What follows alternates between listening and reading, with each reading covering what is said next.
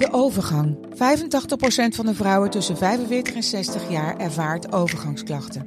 Klachten die kunnen leiden tot een verkeerde diagnose of langdurige arbeidsongeschiktheid. Wat kun je doen als je overgangsklachten ervaart? Hoe maak je dit bespreekbaar op je werk? En als jouw medewerker bij jou komt, wat kun je als werkgever dan doen? Sector Instituut Transport en Logistiek heeft een kennisplatform ontwikkeld waar jij terecht kunt voor tips en adviezen. Wil je er meer over weten? Kijk dan eens op stl.nl/overgang. Dit is Strik Privé, de dagelijkse showbiz-update met Evert Zandgoeds en Jordi Versteegde.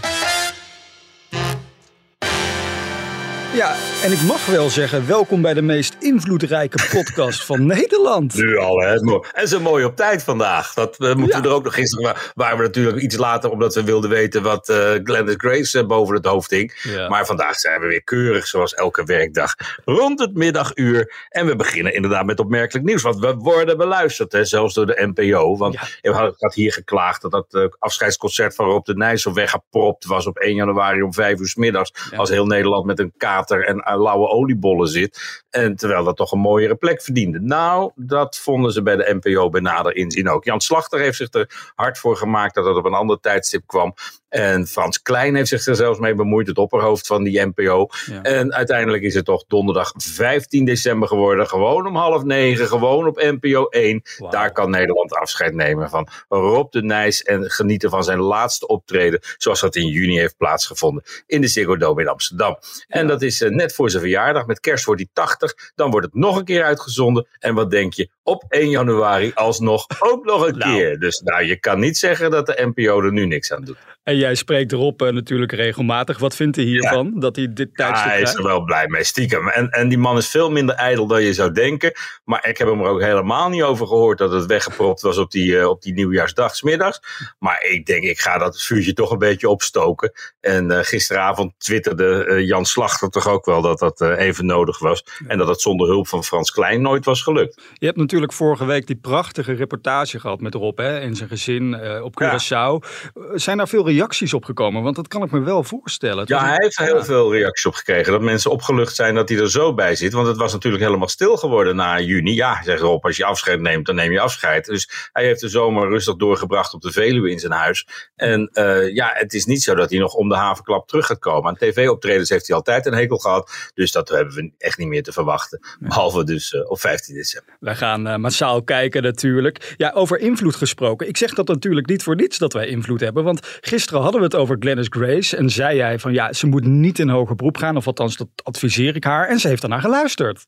Jordi, ze hangen aan onze lippen. Het ja. is werkelijk, ja, maar dat is wel verstandig van haar hoor. Als je nu weer hoger beroep aankondigt, zeker als je dat meteen gisteren gedaan zou hebben, dan had je toch de indruk gewekt dat je nog steeds niet inziet dat je je daar wel verschrikkelijk misdragen hebt. Ja. En ik las ook reacties van mensen die zeggen, ja, je plakt je hoofd aan aan het schilderij vast en je zit drie maanden vast. En je slaat halve jumbo in elkaar en je mag uh, gaan schoffelen en borden wassen. Mm -hmm. Ja, dat is, uh, zo is het geregeld. En voor haar geldt dan ook nog dat ze onevenredig zwaar getroffen is in de carrière dan uh, andere uh, daders. Dus uh, ja, ze, ze, komt er goed mee weg en dat ziet ze zelf ook in. Je hoorde gisteren in haar statement, hè, na aflopen, buiten, echt die zucht in haar stem. Zo van het is nu ook voorbij. Er viel ook een last van haar schouders af. Dat hoop ik nog even voor. Want de, de, drie slachtoffers die hebben een schadevergoeding geëist. Oh, ja. Die ze niet gekregen hebben in, bij deze rechter. Maar die rechter heeft wel de weg geopend om te zeggen: ga maar een civiele procedure beginnen. Dus ik, het, het lijkt er wel op dat ze dat wel gaan doen. Want ja, die jongens hebben het nodige meegemaakt. En uh, om, om ze nou met een kluitje in het riet te sturen. Dat, uh, dat, dat is misschien niet helemaal gepast. Dus ik, ik denk dat er nog wel een procedure boven de hoofd hangt. Maar strafrechtelijk is er dan in elk geval helemaal vanaf. En kan ze werkend aan haar, uh, aan haar taakstraf alvast nadenken over uh, hoe ze straks weer echt aan het werk gaat. Ja, ga maar gewoon muziek maken, zou ik uh, Glennis willen adviseren. Heb jij ook nog een advies voor Lange Frans eigenlijk, nu we toch bezig zijn? Nou ja, het is toch wonderlijk dat op de dag dat Dennis Grace er vanaf is, de zaak voor Lange Frans begint. Hij heeft ja. zich misdragen op Schiphol, een ruzie gemaakt met een verkeersregelaar. Shownieuws heeft die man inmiddels opgespoord. En zijn verhaal aangehoord. En hij is behoorlijk gewond geweest, zegt hij. Hij heeft een hele grote klap gemaakt tegen een stoeprand aan op zijn schouder hm. gevallen. En hij heeft aangifte gedaan. Lange Frans heeft weer aangifte gedaan tegen hem vanwege valse aangifte. Maar zoals ik altijd zeg, op Schiphol hangen ook wel wat camera's. Dus die waarheid zal ook wel weer boven tafel komen. Maar wat die man ook wil, is wat aandacht voor geweld tegen verkeersregelaars. Hm. En daar kan ik me wel iets bij voorstellen. Want die mensen roepen gewoon agressie op, terwijl, terwijl ze alleen maar hun werk doen. Dat is, uh, ik, ik zwaai wel eens naar een verkeersregelaar. Dat kan ik iedereen aanraden. Dat is zo leuk. Dan, zie je de verbijstering op hun gezicht. Het is zo ondankbaar werk wat die mensen doen. Terwijl zonder verkeersregelaars, nou het woord zegt het al, de puinhoop in het verkeer nog veel groter wordt. Dus ook dit wordt een zaak. De marechaussee is ermee bezig. Die wilde ons uh, niets over zeggen over de aangiftes. Dat kunnen ze niet in individuele gevallen, zeggen ze. Maar ja, ook dit gaat natuurlijk een vervolg krijgen. Ja, even op persoonlijke titel zeg ik. bedoel, hij reed toch op een busbaan waar hij niet mag rijden. bedoel, wie ben jij dan, Lange Frans, om geweld te gaan gebruiken? Of in ieder geval al een tik of een duw, wat het ook is, uit te delen. Ik snap daar gewoon niks van, eerlijk gezegd. Ja, en hij noemt het een duw. Nou, die man die zegt, ik vloog door de lucht met mijn schouder op een uh, stoeprand. En ik hoop dat het op video staat, dan kunnen we het allemaal zien. Ja, we gaan het over The Voice of Holland hebben. En dat zeg ik, we hebben het er al eigenlijk al een tijdje niet meer over gehad. Maar Martijn Krabbe zorgde er gisteren voor dat het toch weer in het nieuws kwam. Want eh, hij reageerde op een vraag van RTL Boulevard van ja, heeft dat programma nog een toekomst? En Martijn die zegt dus dat dat moeilijk wordt. Hoe kijk jij daarnaar eigenlijk? Ik, ik heb het totaal niet. Dat, ik denk dat je gewoon na een jaar, en dat jaar is in januari uh, alweer voorbij, dat je gewoon met een schone lijn moet beginnen. Heel goed gaat kijken wie je in die jury zet. Uh, wie, uh, de, of, of coaches worden. Wie het, ja, ik, ik denk dat Martijn een beetje voor zijn beurt praat. Want het is natuurlijk een uitermate sterk merk. Je ziet ook helemaal niet dat het als een kaartenhuis in elkaar dondert. Dat het in het ene land en het andere land ook dit soort affaires kent. The Voice is gewoon een, een, een AAA-merk in de televisiewereld. Mhm. Wereldwijd. Ja.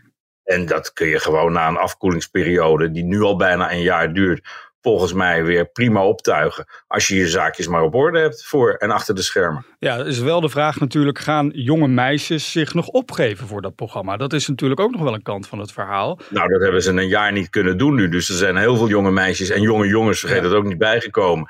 En uh, op een gegeven moment moet je gewoon de stoute schoenen aantrekken, volgens mij.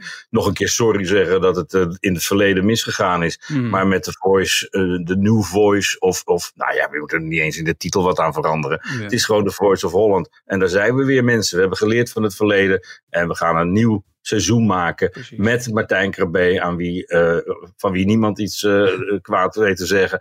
Dus uh, ja, gewoon uh, gaan met die bananen zou ik zeggen. Ja, en wat ook de beste presentator voor dat programma is uh, volgens mij. En ik verwacht ook niet dat, dat heb ik wel gehoord van John de Mol. Die zei toen we de Voice gingen verkopen, 14, 15 jaar, hoe lang bestaat het al? Heel lang. Ja. En toen liet hij banden nog daarvan zien in Amerika. En ja, leuk programma, leuk programma. But who is the guy? Ze waren heel ontzettend onder de indruk van Martijn Krabbe in Amerika zelfs. Ja. Nou, dat waren ze van zijn vader ook ooit. Dus zo gek is dat niet. Ja. En ja, dus dat is echt de ideale presentator voor The Voice. Die nu eventjes zijn eigen glazen staat in te gooien, geloof ik. The Voice moet gewoon weer terugkomen. Nou, nog even over Martijn. Ik heb hem een tijdje geleden aan de telefoon gehad. Uh, achter de schermen. En ik hoorde echt in zijn stem, het ging over The Voice. Dat hij het heel moeilijk hiermee heeft. Omdat hij denkt dat heel veel mensen verwachten dat hij er iets mee te maken had. En dat vindt hij heel lastig om dat los te laten. Dus daar komt dit denk ik ook weer vandaan. Dat hij echt zoiets heeft van ja, weet je, het, het is zo erg wat daar gebeurd is. Ik wil daar... Ja, maar zijn naam is totaal niet gevallen. En ik kan me ook voorstellen dat je zo'n groot programma presenteert dat je totaal niet meekrijgt van wat er allemaal gebeurt. En het was ook niet in de, kleed, het was ook niet in de coulissen. Het, nee. het, was gewoon buiten de studio speelde het zich af. Dus wat moet hij daarvan weten?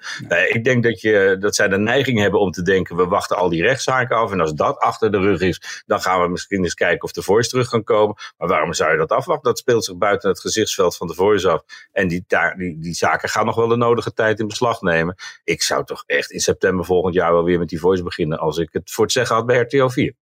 Jij, Evert, bent onze lopende showbizpedia. Wij hebben geen Wikipedia, wij hebben showbizpedia.